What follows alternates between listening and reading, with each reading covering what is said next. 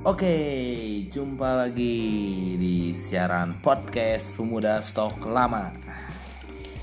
Hari ini ada yang berbeda karena sesuatu yang tak pernah kita rencanakan tapi terjadi dan kita eh, berada di kondisi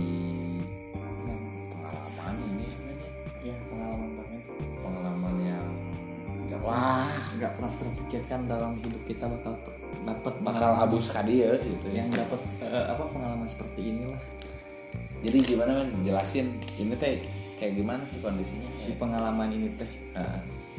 ya hari ini teh ya eh, hari yang sangat apa ya mindfulness bisa dibilang mindfulness berarti banget di hidup gua karena gua sendiri nggak pernah terpikirkan bakal bakal ngalamin sesuatu yang seperti ini. Nah hal apakah itu?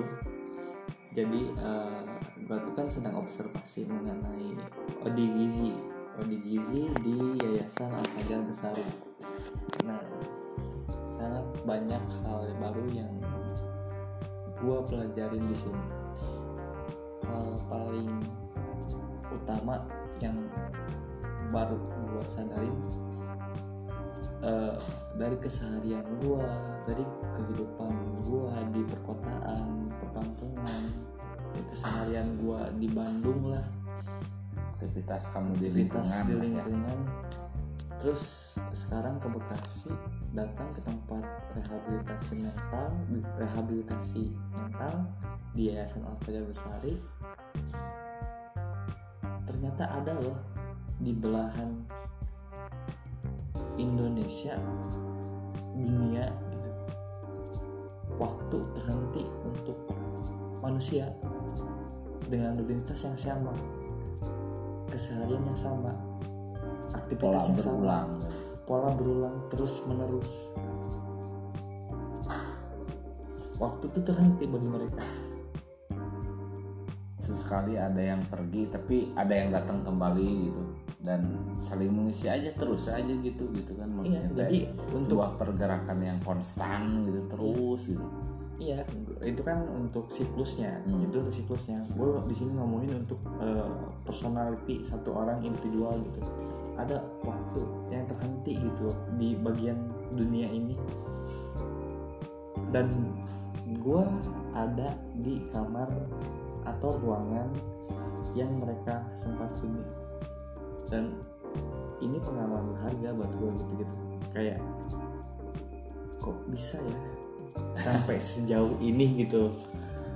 Track record gue yang ada di dunia kreatif sampai ngalamin apa yang Odi Gizi orang dalam gangguan jiwa alamin gitu.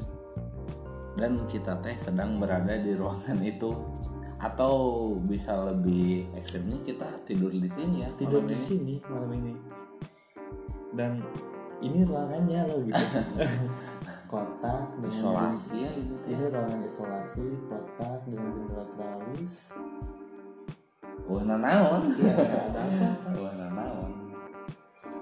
dan dan di sini bisa dibilang anugerah juga karena banyak pengalaman yang bisa gue dapat di hari ini. Kita bisa lebih banyak bersyukur sih intinya. intinya itu. Intinya kayak apa yang kita cari di luar di, di luar atau di aktivitas gua sehari-hari itu nggak ada artinya ketika gua ada di sini gitu. Yang penting hidup ketika gua hidup aja itu sesuatu yang harus banget disyukurin gitu di balik rutinitas gua di Bandung di dunia kreatif segala macam keseharian gua terus datang ke Yayasan Al-Fajar Besari masuk dalam ruangan isolasi tempat mereka eh, dirawat secara kemanusiaan dan gua sekarang ngalamin bangke gitu. Cuma ada ngajak-ngajak aing anjing. Goblok anjing. Aing dia ajak anjing. Eh, jadi gini men maksudnya teh eh, kan tahu lah ya gitu maksudnya teh eh, kita berangkat ke sini teh kan bukan cuma berangkat pengen tahu aktivitas di sini terus tiba-tiba pengen nyobain di sini enggak Enggak, kan gitu enggak, kan. enggak, ada, enggak. ada landasannya juga Ada gitu landasan. kan ya itu teh apa sih main landasan yang kemudian kita hari ini ada di sini teh apa sih Oke, berarti kita eh, melangkah sedikit ke belakang biar lukisan yang mau kita eh, lihat itu jelas. ya Kita mundur beberapa langkah. Jadi eh, pertama orientasinya gua ke Yayasan Al besar itu untuk eh, tugas pemenuhan tugas pemenuhan tugas akhir untuk output media utama gua eh, buku esai fotografi. Eh, secara definisi buku esai fotografi itu buku yang eh, menampilkan fotografi eh, sebuah ilustrasi dan cerita di balik foto itu. Oh boleh. Pak. boleh boleh. Iya, ya ya oke Kaget guys, ada satu pasien yang tiba-tiba datang ke kamar kita minta pinjam korek untuk menyalakan rokok. jadi kepotong tadi lupa sampai mana ini eh, Ya, secara definisi eh, buku esai fotografi itu sebuah fotografi, eh, fotografi sendiri merupakan ilustrasi. Nah, secara general ya. Nah, di situ tuh ada ceritanya. Nah, fotografi apa nih yang eh, ada di media utama gua? Jadi gua pengen mengangkat treatment sebuah perawatan kemanusiaan ter- atau eh, perawatan tradisional yang memfokuskan kemanusiaan bagi Odi Gizi bahwa eh, hal tersebut tuh mampu menyembuhkan pasien dengan tahapan-tahapan yang disesuaikan kepada individu ODGZ tersebut. Jadi tahapannya tuh tidak semua disamakan, tergantung individual atau latar belakang si pasien tersebut. Ada yang emang dari canduan eh, medicine, ada yang emang gangguan dari eh, pola hidupnya, ada yang gangguan kedistrak tekanan tekanan hidup, sosial. ya secara general mungkin bisa dibilang tekanan sosial yang akhirnya ba- banyak variabel yang menjadikan mereka bisa dikatakan ODGZ. hmm, banyak orang juga yang kemudian nggak tahu gizi itu apa sih Ya itu tuh OD- ODGZ itu orang dalam gangguan jiwa. Jadi emang mereka tuh manusia, cuman jiwanya tuh terganggu. Tapi mereka tetap manusia yang memiliki jiwa. Dan entah kenapa banyak diskriminasi yang terjadi di eh, ruang publik kepada mereka gitu. Secara tidak langsung Yayasan Al Fajar Besari ini tuh ingin mengangkat harkat kembali orang-orang dengan orang-orang dalam gangguan jiwa tersebut. Nah, eh, dalam penelitian gua tujuan utamanya tuh untuk eh, menjadi self defense bagi eh, si yayasan tersebut. Eh, bahwa emang benar terjadi gitu loh. Ya eh, perawatan tradisional tuh bisa menyembuhkan pasien secara nyata gitu dengan treatment yang disesuaikan pada pasien. Dan itu tidak bisa disamakan eh, beda-beda. Untuk jelasnya gue juga nggak bisa eh, apa mengutarakannya secara keseluruhan karena gue juga baru beberapa kali observasi yang mungkin tahu eh, langsung nanti bisa lihat hasil eh, TA gue oh iya Eh, apa terus? Eh, kan ini masih berjalan nih, apa yang kamu lakukan. Masih berproses. besok juga masih kita teh ada beberapa rangkaian yang harus kita kerjakan juga gitu kan ya terus terlepas dari apa eh terlepas dari kenapa maneh ada di sini teh untuk apa sih men sebenarnya teh gitu pertama oke kenapa gitu sampai kemudian kamu teh mau maunya atau eh, tergerak hatinya tiba-tiba bikin tugas akhir untuk ya katakanlah ini lah ya sama Fajar berseri gitu Oke, pertanyaannya sangat mendasar dan itu tuh jawaban yang panjang bagi gua sebenarnya.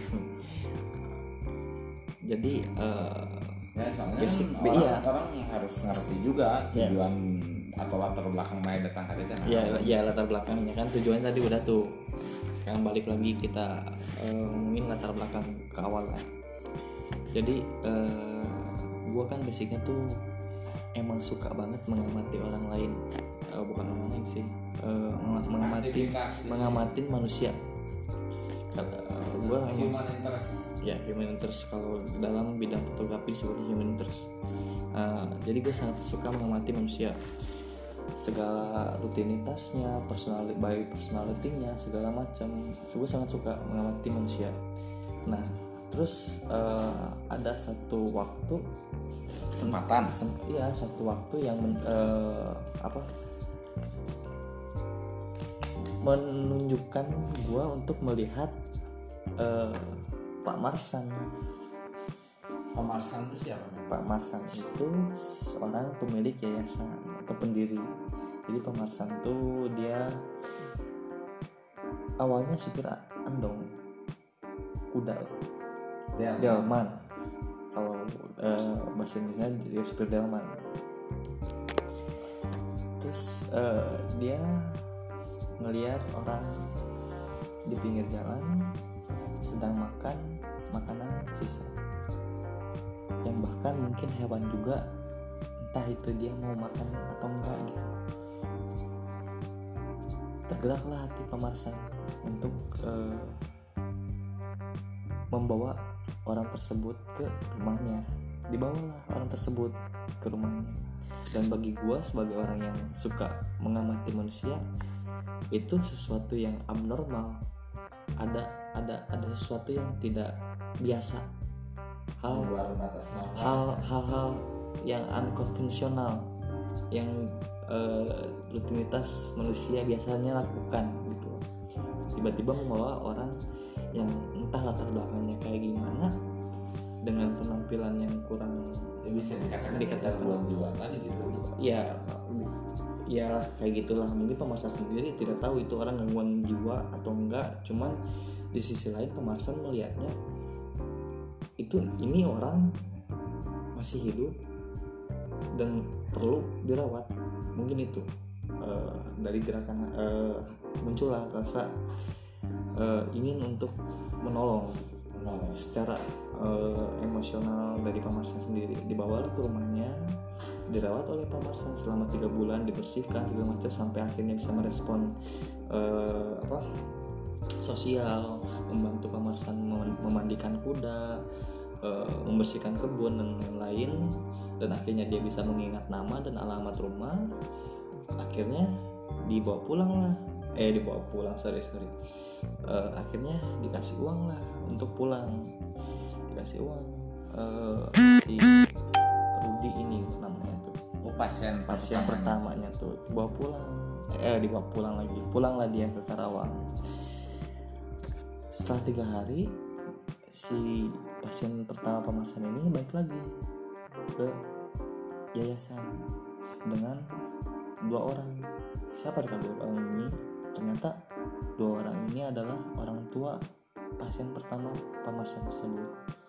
Dan ternyata kenyataannya tuh pasien pertama pemasan tuh udah dianggap meninggal oleh kedua orang tuanya anjir jadi emang dari pihak keluarganya juga bahkan udah tidak tahu gitu sebelumnya teh udah nggak tahu keberadaan anaknya itu teh gitu. dan udah dianggap meninggal terus ke- tiba-tiba ketemu pemasan dirawat terus kemudian di di ini lah ya, katakan di, dimanusiakan lah gitu kan ya. iya di, iya eh, di sisi lain Pak Marsan melihat dia tuh tetap manusia ap- eh, bagaimanapun penampilannya kelakuannya. Pak Marsan mati lagi mati lagi pak. Oh iya. Pak Marsan menganggapnya sebagai manusia yang memiliki jiwa. Cuman yang jiwanya sedikit terganggu. Nah bisa dikatakan seperti itu.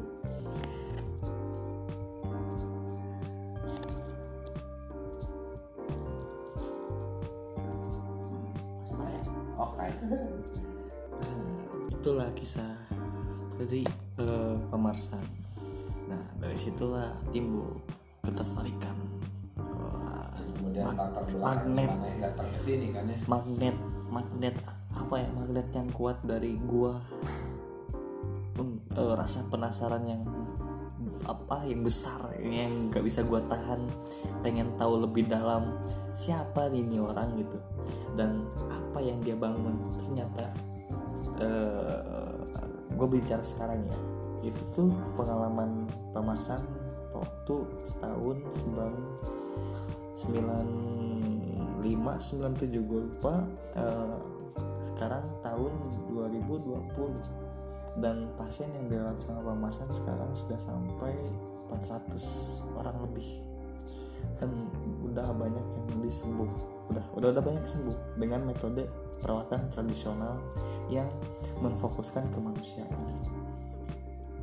berarti melihat apa ya melihat kondisi kayak yayasan ini kan sebenarnya di luar instansi kesehatan atau di luar instansi sosial ya di luar pemerintahan itu sendiri gitu kan ya. Ya. Secara Ah, legalitas. Ah, pembahasan tersendiri kan memang eh, dipicu karena ya mungkin rasa kebaikan kebaikan kebaikan. kebaikan. Gitu mau menolong sesama manusia gitu kan. Terus kemudian jadi hal itu tuh jadi kemudian apa ya berkelanjutan loh gitu. Maksudnya teh banyak orang yang kemudian tahu bahwa pemarsan di sini teh punya punya inilah ya bisa dikatakan punya punya anugerah anugerah yang kadang nggak semua orang teh punya itu loh gitu rasa rasa rasa kemanusiaan yang lebih gitu. Terus kemudian jadi bisa kayak kayak barusan bisa kayak hari ini teh pasiennya teh lebih dari 400 orang gitu kan. Dan banyak juga eh, apa orang yang membantu tergerak hatinya karena eh, pemasan iya bagi gua pribadi yang kayak ini yang suka mengamati manusia. Ini tuh berawal dari satu orang gitu. Kebaikan hati satu orang yang diamini hingga sampai saat ini tuh banyak sekali gitu orang yang tergerak hatinya. Dan itu sesuatu yang luar biasa gitu. Insya Allah dan itu maksudnya ketika niat awalnya emang benar-benar tanpa tanpa mengharapkan sesuatu emang itu teh benar-benar muncul dari dalam dirinya langsung gitu ketika hari ini berdampak jadi seperti ini ya itu teh ya mungkin berkah dari Tuhan ya gitu teh ya berkah dari Tuhan dan campur tangan semesta juga gitu Iya, dan upaya dari pemasan sendiri yang Iya. mungkin tidak semua orang bisa Nah, sabar itu. dan konsisten Nah, itu melakukan hal itu. yang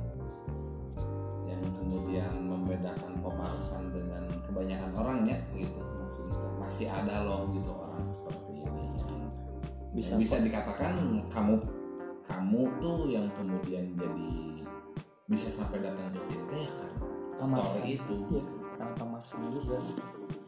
Dan setelah berapa ya? Dua kali observasi empat hari kunjungan ke yayasan Al Fajar Al Fajar Berseri. Al Fajar Berseri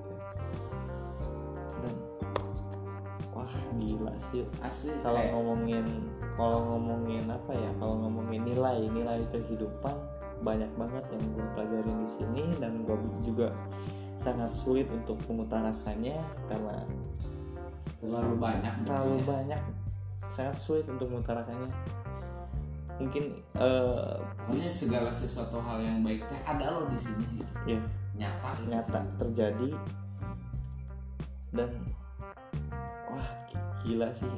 Gua gua gua ada di sini dan anjing. Ini tuh sesuatu yang nggak pernah gua bayangin dalam hidup gua bakal kayak gini gitu. Gua bakal ada di sini dan gua gua mempelajari ini gua mendalami ini. Jadi- Kalau di orang dah aja. Tapi intinya yang orang rasain ini men ketika orang mah sebetulnya kan emang tidak ada kepentingan gitu kan ya, cuman karena eh, dirimu mengajak diriku gitu kan. Siapa tahu mau ikut gitu kan. Kebetulan juga emang aku tuh punya punya waktu yang cukup lah gitu punya waktu yang cukup banyak gitu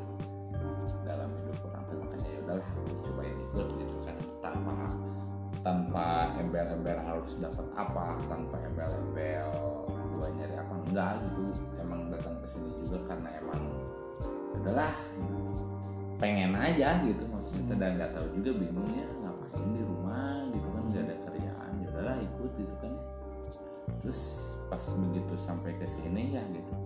Dari observasi pertama waktu itu sampai kemudian hari ini datang lagi ke sini teh orang jadi sadar gitu.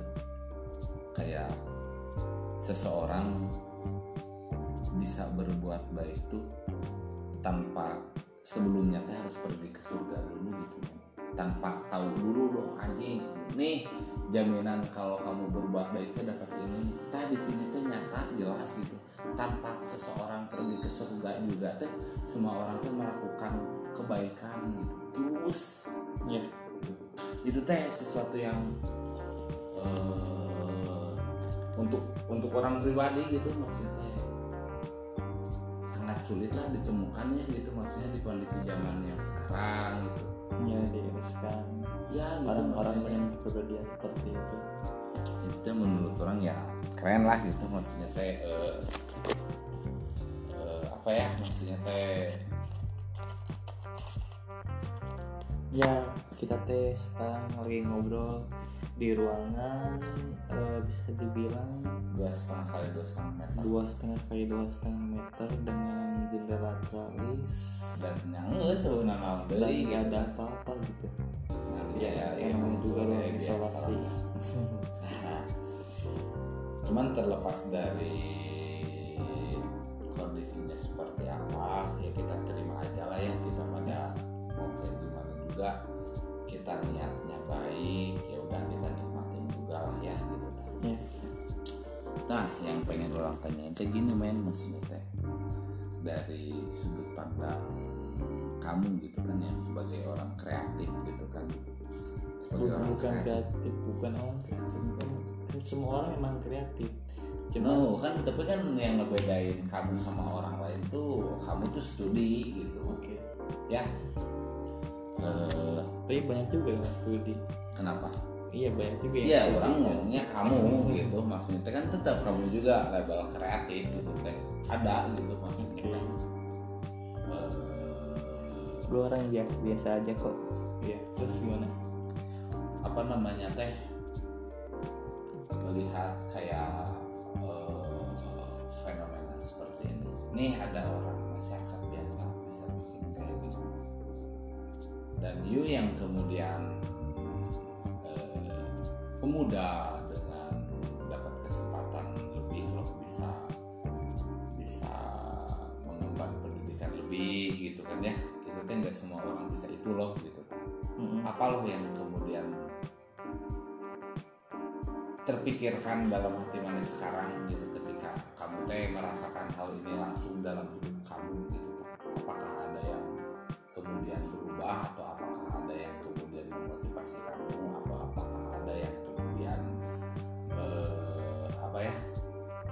seenggaknya ada pengaruhnya lah ketika kamu ada di lingkungan sini kamu teh melihat banyak fenomena banyak banyak hal-hal yang terjadi di sini.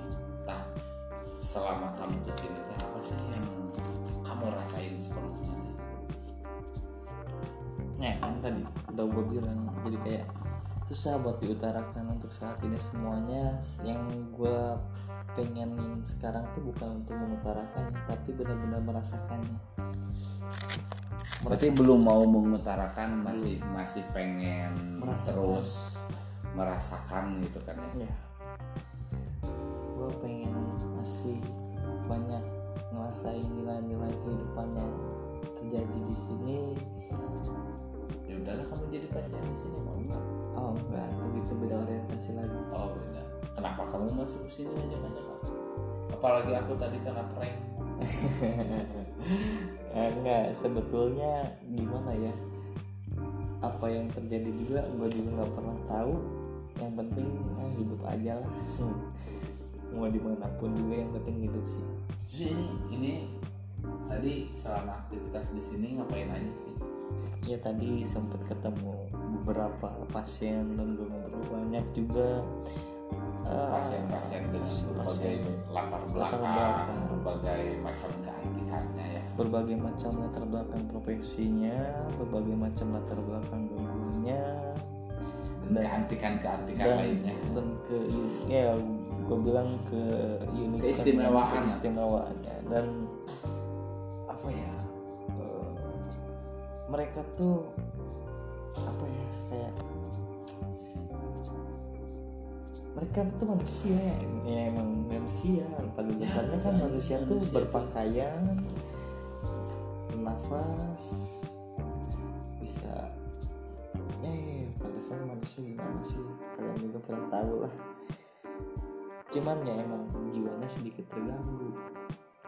Gue gue sedikit aneh juga sih kalau bilang keganggu cuman gue bilang di sini unik semua orang punya gangguannya masing-masing sih cuman kayak di pasien di sini tuh emang unik unik gitu dengan gangguan mereka tuh mereka tuh unik dan yang lebih salut lagi dengan metode tradisional tuh mereka tuh treatment treatment. Iya, treatment treatment tradisional khusus itu bagi mereka tidak apa ya, jadi kayak nggak membebani mereka. Mereka setelah makan, gua gua gua ambil contoh aja. Setelah makan mereka membersihkan sendiri makanannya, membuang sampah sendiri tanpa disuruh gitu. Oh, Kayak itu tamparan banget kan buat orang-orang Itu yang tanpa- katakan tanpa yang disuruh. normal ya, normal gitu. ya, kadang jiwanya tak hal, hal mendasar seperti itu juga mereka tuh nggak peduli gitu habis makan Iya. udah aja gitu atau Gua iya, habis jajan sampah di mana Iya, jadi kayak mereka beres makan, mereka membuang sampah makanan ke tempat sampah dan mereka membersihkannya dan itu tuh terjadi di sini. jadi salah sebenarnya Jadi Gangguan siapa jiwa. yang gangguan jiwa tuh masyarakat? Siapa di mana gitu? Gua di Bandung sendiri masih banyak gitu ya lihat orang-orang normal yang masih meninggalkan sampahnya, bekas jajanannya, membuang sampahnya sembarangan. Dan di sini orang-orang dengan ODG katakanlah dengan ODGZ, mereka setelah makan cuci tangan, bersih bersih segala macam. Jadi kayak gue pikir lagi siapa sih yang gangguan jiwa tuh di sini? kalian cukup mengerti lah ya gitu. cuman ini men ada sesuatu yang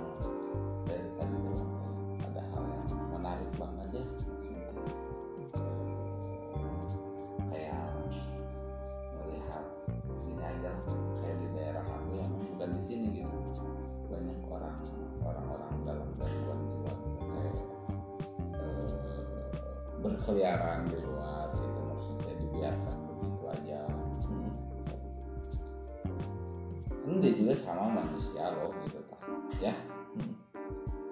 Eh, yang orang lihatnya kayak misalkan kan oke lah kita kasih ini dulu. Orang terdekat si orang dalam gangguan jiwa di situ kan ada keluarga ya kan? Hmm. Si keluarga di sini teh kenapa sih membiarkan anggota keluarganya? Teh gitu gitu maksudnya teh apakah orang tuanya di sini teh bingung ngobatinnya kayak gimana atau si orang tuanya di sini teh bingung nih harus harus melapor ke siapa gitu kan ya ketika ada anggota keluarganya yang yang menderita kayak gitu ya men ya? Soalnya jujur nggak ada kayak transparansi informasi atau campaign-campaign yang oh, buat ada anggota keluarga yang memiliki keluarga yang dengan gejala kayak gini-gini. Sok saya misalkan kan ini teh nggak pernah ada ya men. Makanya nggak aneh ketika banyak banyak orang-orang dengan gangguan jiwa masih banyak. Di di jalan tuh masih banyak gitu tapi dibiarkan aja loh gitu kan maksudnya. Bahkan bukan di bukan di daerah-daerah aja. Di masyarakat urban di kota juga banyak loh gitu. Kayak misalkan kok ini dinas sosial tuh tidak memperhatikan? Atau langsung kayak eh, ngomongin peran negara deh peran pemerintah gitu.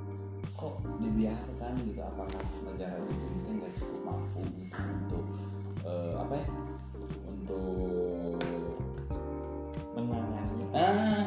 istilahnya mah memberikan tempat yang layak perawatan yang yang seharusnya gitu kan ya kalau ngomongin kemanusiaannya ya men ya. Cuman salutnya di sini teh ini ada orang di luar pemerintahan yang benar-benar hati nuraninya teh dipakai gitu ya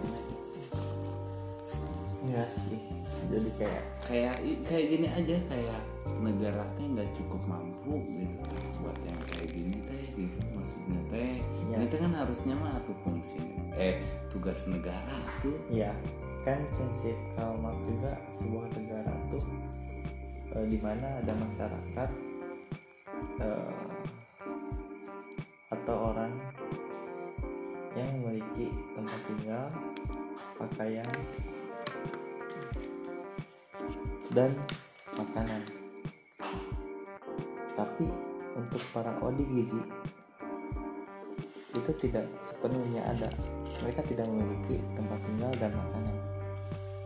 Jadi untuk apa ada negara kalau masih ada orang yang kayak gitu gitu?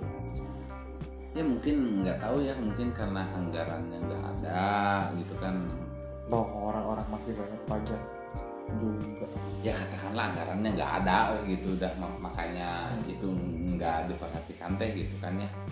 Cuman ini ada orang masyarakat sipil biasa loh yang secara backgroundnya juga bukan orang cukup gitu kan. Kan sederhana loh gitu tapi mau dengan senang hati.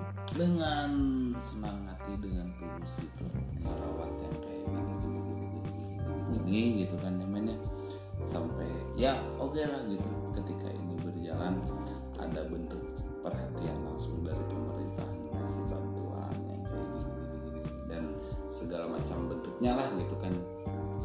Cuman eh, pemerintah di sini tuh malah jas- malah justru diuntungkan gitu tah. Maksudnya jadi beban yang seharusnya jadi beban mereka teh malah diusahakan sama masyarakat. Heeh, dan dan aku teh nggak tahu ya mungkin karena ada rasa pesimisme gitu dah kan ya wajar ketika orang pesimis atau suuzon mah nggak boleh curiga mah ada manusiawi gitu kan ya gitu. Maksudnya teh, berpikir skeptis. Heeh, gitu maksudnya teh. Udah ada kok anggaran buat ini gitu kan. sebenarnya tuh. Sebenarnya tuh ya gitu. Cuman ya kebayang kalau misalkan kayak Pak siapa? Pamarsan pemarsan itu cuman satu nggak ada pemarsan pemarsan yang lain yang lain yang lainnya lagi. Negara mau gimana gitu maksudnya teh? Ya bersyukur di zaman sekarang masih ada pemarsan gitu. Hmm. itu kan gitu maksudnya teh. Kita kalau mau belajar di kayak di negara-negara di negara itu teh nggak pernah ada yang namanya eh, apa yang terlantar di jalan. Orang gila kayak gitu juga diurus diperhatikan dapat duit. Entah. Di Indo kita lihat di negara eh di negara apa ini teh Indonesia? Di negara di negara Indonesia teh kurang kayak apa sih gitu Iya. orang ap- kita nanam apa aja pasti tumbuh. Toh enggak maksudnya yang kemudian orang pengen kritisi di sini teh kan jelas ya negara teh punya landasan dasar Pancasila Hmm. satu. Kerakyatan satu. bagi seluruh rakyat. Yang maha esa. Oke itu Dua, ya. kemanusiaan yang adil dan beradab tiga kesatuan Indonesia. Empat kerakyatan yang dipimpin oleh hikmat kebijaksanaan. Perwakilan lima keadilan sosial bagi seluruh rakyat Indonesia. Ai orang dalam gangguan jiwa gitu teh bukan orang itu kena orang atau itu teh. Hmm, kacau ya. Ya gitu maksudnya tapi ya udahlah ya kita teh terima aja lah gitu. Ya kita bersyukur aja lah gitu maksudnya teh. Di dunia ini teh masih ada kayak pemarsan gitu semoga aja gitu dari obrolan kayak gini juga bisa eh jangan terlalu berharap dari obrolan ini ada manfaatnya lah gitu kan. Jangan pernah ada berharap lah gitu. Tapi kalau sekalipun gak ada manfaatnya ya manfaatkan lah ya. Ah, ya intinya begitu aja. Semoga eh, ini bisa jadi semacam refleksi aja buat teman-teman yang dengerin ini gitu kan ya. Istilahnya mah kalau mau bantu orang mah jangan pilih-pilih gitu. Dan kita juga nggak akan tahu bakalan dibantu sama siapa ya gitu. Betul. Oke, sekian podcast pemuda stok lama kita bersama CS Yogi. pengen kutip tadi kata makan apa ya gue lupa?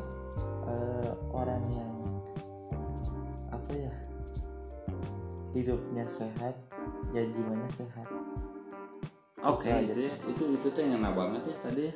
ya ngena banget sih Eh, terima kasih. Selamat malam dan sampai jumpa.